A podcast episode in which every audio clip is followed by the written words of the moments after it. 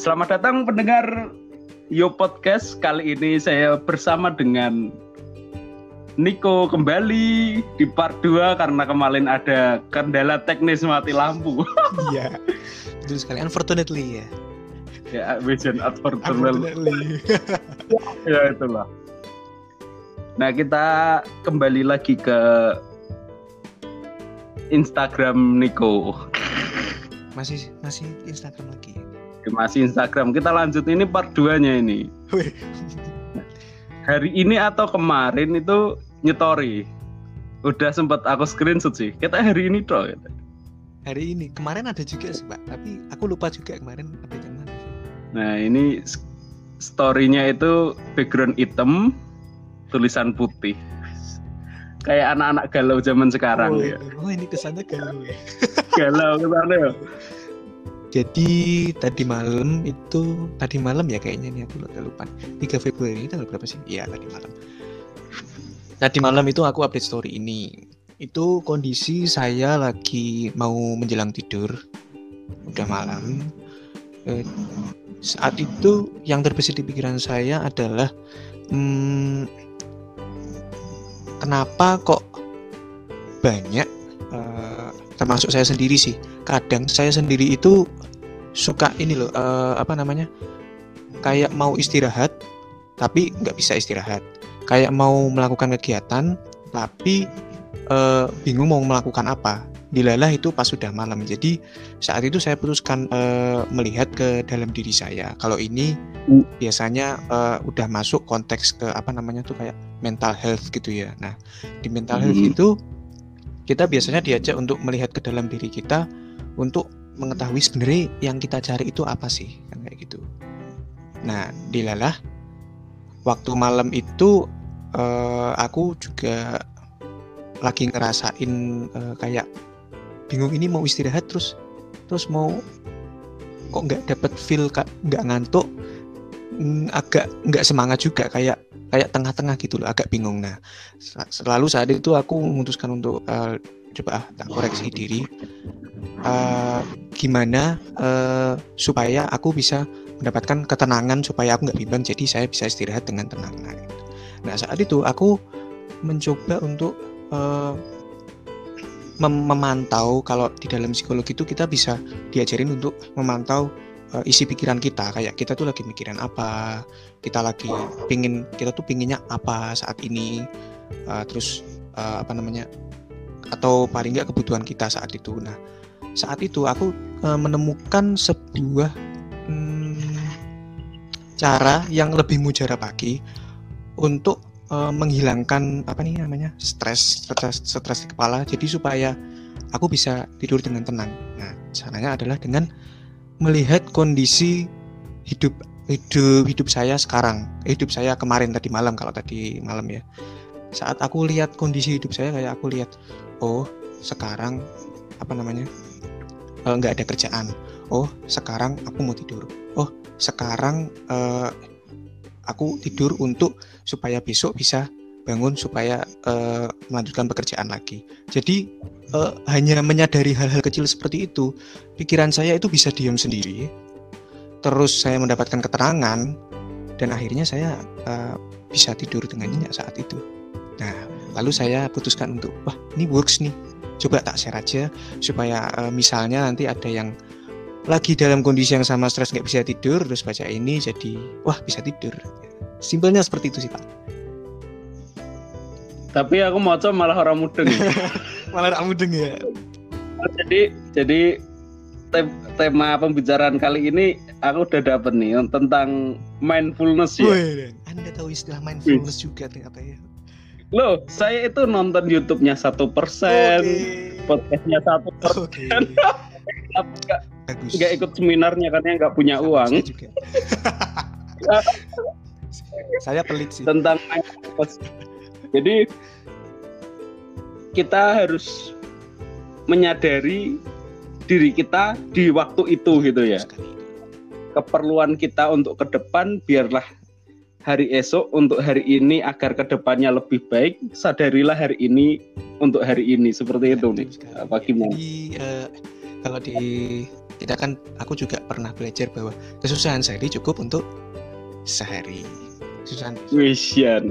Alkitabiah sekali. ini Alkitab ya ternyata ya Iya itu Oh, iya, iya. jadi ya dari Alkitab itu aku Alkitab di dalam Alkitab ada itu. ya dilalah itu Kesusahan hari ini cukup untuk hari ini. Nah itu sama kayak hampir sama dengan tekniknya mindfulness. Jadi kita tuh eh, fokus sama hari ini aja. Apa yang bisa dilakukan hari ini seefektif mungkin. Yang besok itu pasti adalah cerminan dari hari ini, kan gitu kan?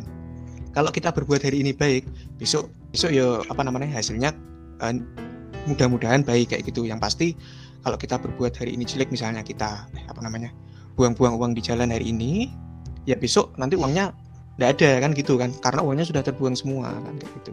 Itu bukan bukan nganu ya itu eh, lebih ke secara physically ya. Physically kalau kita buang buang buang makanan di jalanan gitu sebet besok besok kan kita makanan yang tadi itu sudah nggak ada lagi jadi intinya adalah ya betul tadi fokus sama hari ini dulu aja atau kondisi saat itulah paling enggak lah Menyadari bahwa kita itu hidup cuma hari ini gitu. itu kayak siapa itu Soleh Solihun Apa? Soleh ini yang gimana Oh, itu? Coba cerita. ya jadi Iya. si Soleh Saya saya saya bentar, aku dengerin Soleh ini itu yang stand up Oh enak Aduh, nih, cuma itu Pak. kenapa kenapa namanya itu? Apakah karena oh enak nih gitu? Soleh Solihun terkenalnya oh enak nih ya Iya.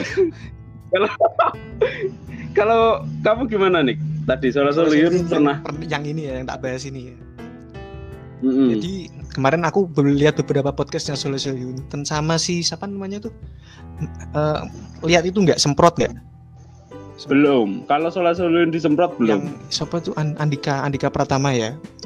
Nah Soleh Solihun sama Mm-mm. Andika Pratama itu kan ngobrol. Jadi si Andika Pratama ini tanya kok kok kok kok kok kok, kok aku eh, udah kerja banting tulang tapi kok nggak happy happy ya? Kenapa ya Solihun tuh punya jawaban yang sebenarnya ini simple tapi yang mungkin tidak mudah dilakukan tapi untuk beberapa orang ini mudah jadi dia jawabannya adalah eh, aku itu selalu berpikir bahwa ini adalah hari terakhir hidup saya.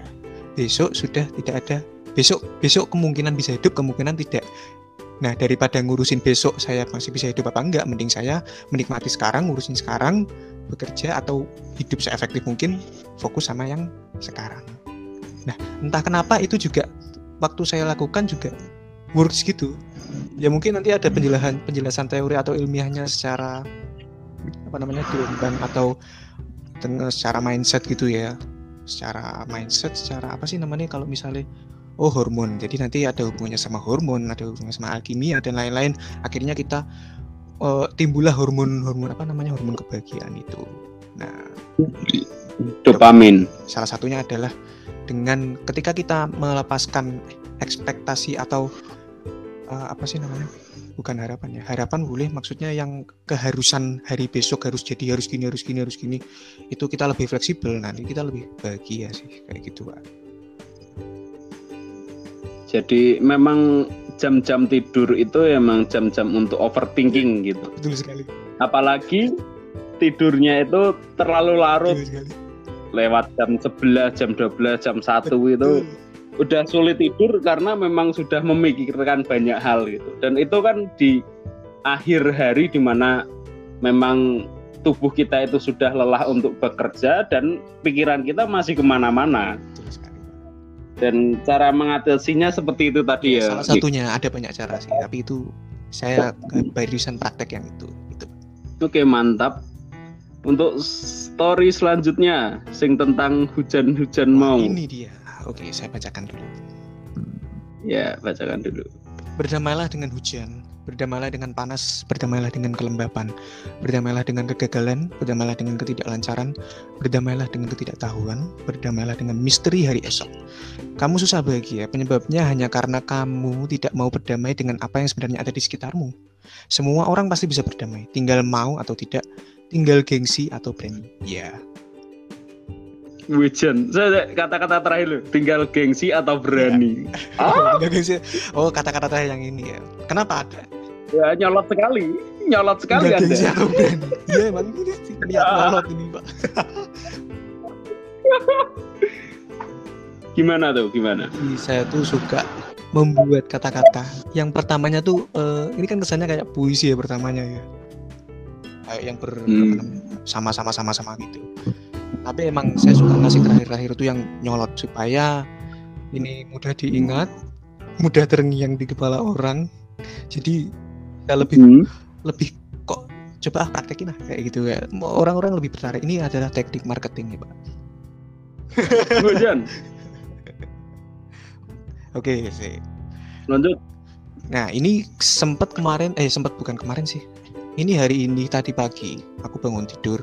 Aku bangunnya kayak gak sih ya, sekitar jam empatan gitu, jam setengah lima. Terus eh, aku yuk kumun kok aku tang ini yusuk men ngopo ya? Iki belum ada kerjaan masih nanti agak siangan.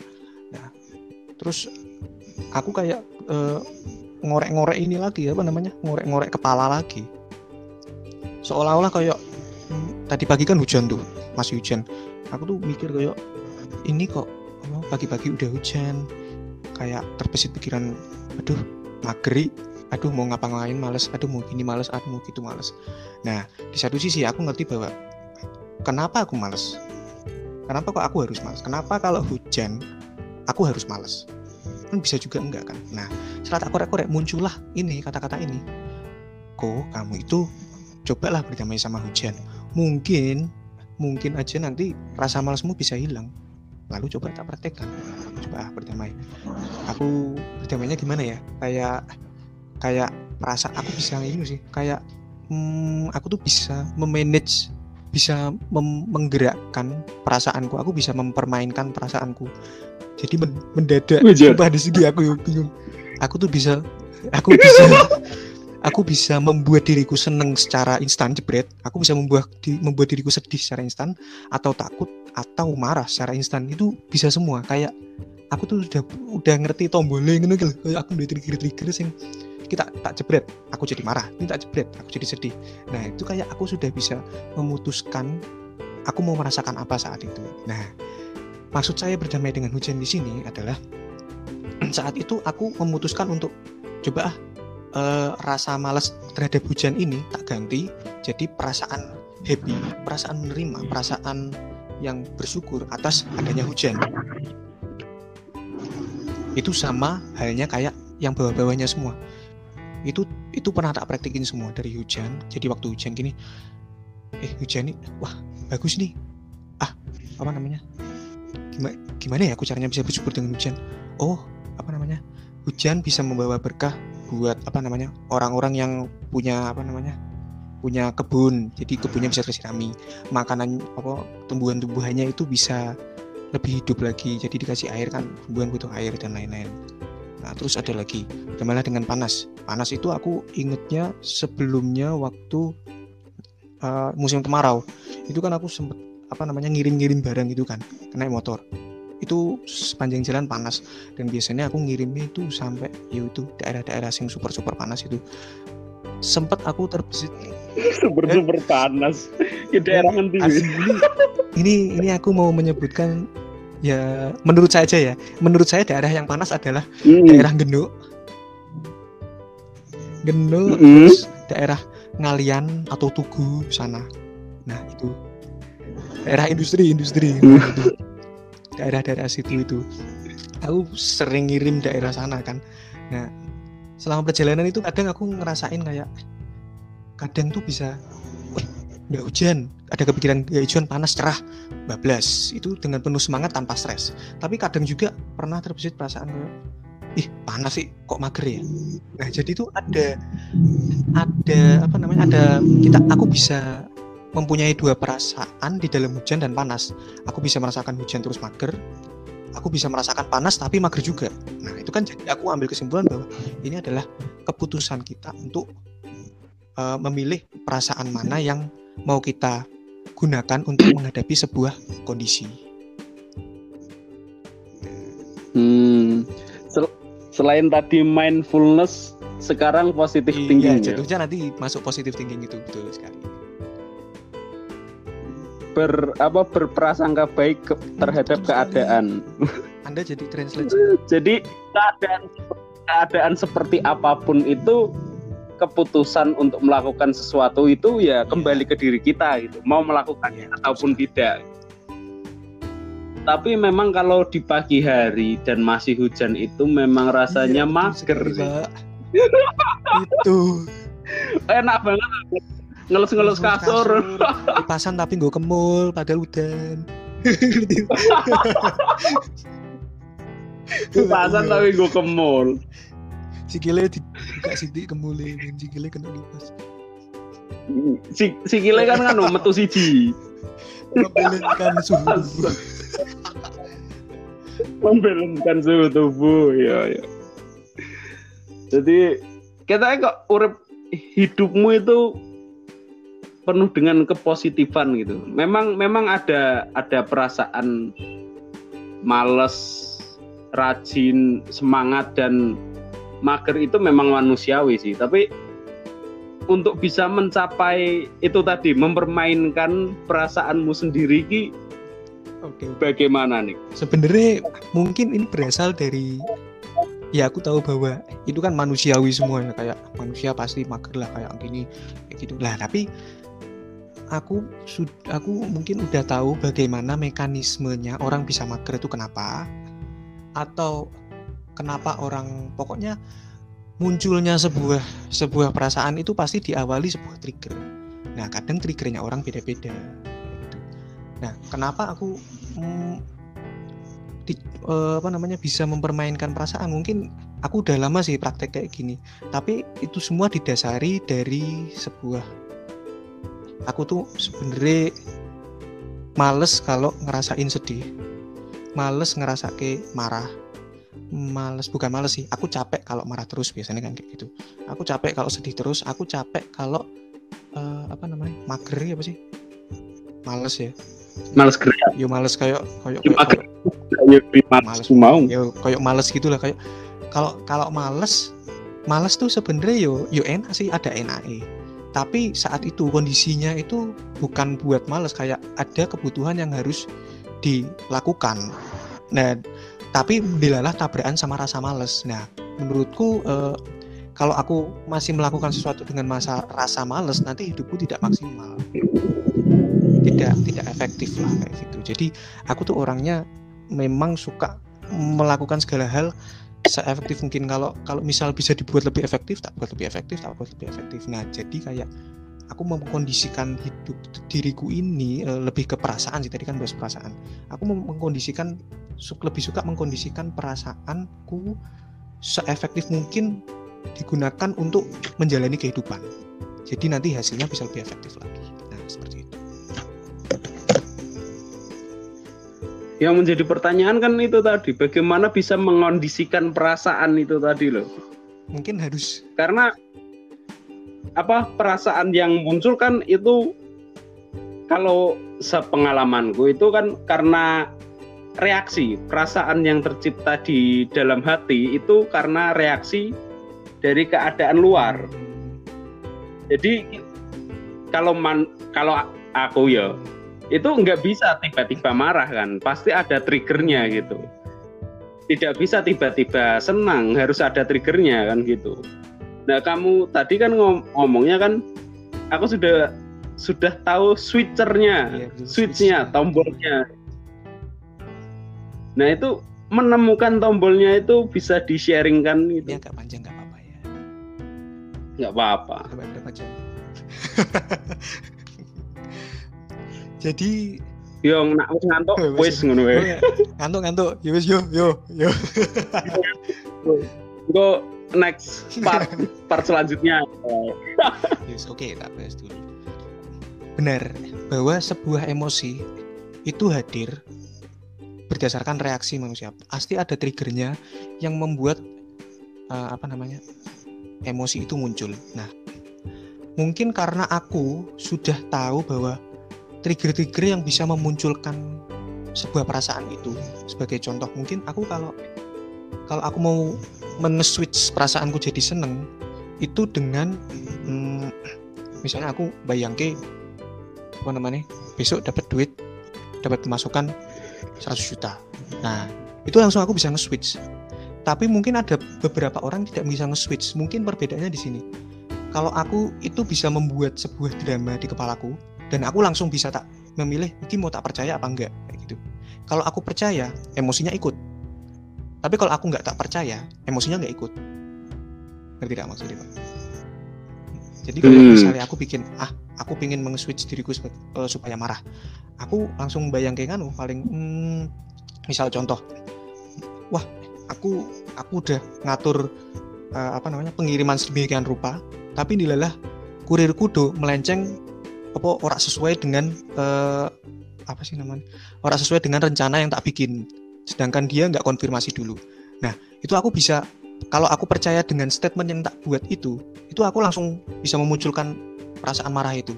Tapi kalau aku cuma bikin statement itu tanpa aku percaya kayak wah ini tenanan. Kalau aku cuma cuma cuma menduga bahwa oh ini statementku tok ini nggak beneran. Kalau kayak gitu itu nggak muncul perasaannya pak. Mungkin ya seperti itu. Sing tak rasain. Jadi berkesinambungan dari dari apa kesimpulanku tadi ya, positive thinking sehingga memunculkan perasaan itu dan juga ini ada tambahan poin lagi sih. Iman. Kepikiran tekan Ra? Iman. iman ya Kalau Alkitabiah kan Iya. imanmu yang menyelamatkanmu. Kalau kamu percaya dengan sepenuh hati, itulah yang akan Nah. terjadi, toh. itu loh Eh, mungkin poinnya ada di sepenuh hatinya ya jadi kan menurut aku kalau misalnya aku Mm-mm. bikin statement A tapi aku tidak percaya maka nggak sampai situ perasaannya tapi kalau aku bikin statement A aku percaya itu perasaannya ikut jadi lebih powerful lagi maksudnya Ah, mungkin kayak gitu di sepenuh hati Iya, maksudnya apa? Kalau yang aku tahu kan definisi dari iman adalah percaya dengan sepenuh hati Hmm, itu iya. tadi. Tapi poinnya adalah iman. bukan setengah hati ya mindful, positive thinking, iman yang teguh. jangan juga sama saya. Oke, Be. dan Cipak, eh. saya kabur dulu Hmm, lebih seperti gitu. itu Pak. Mungkin cukup ya, Nick, untuk episode hari ini. Kita lanjutkan berikutnya untuk story-storymu yang me- memberikan vibe-vibe yang positif kepada semesta. kamu kamu menangkapnya itu positif ya? Jadi seperti itu para pendengar yang mau mendengarkan sih. yang, yang mau obrolan ya obrolan saya dengan teman masa remaja saya Niko mungkin apa episode selanjutnya akan membahas tentang hal-hal lain tentang psikologi kesehatan mental dan lainnya. Mungkin tadi sempat disinggung tentang kesehatan mental mungkin di episode selanjutnya. Terima kasih telah mendengar. Saya Niko. saya Gendon. Sampai jumpa di episode selanjutnya.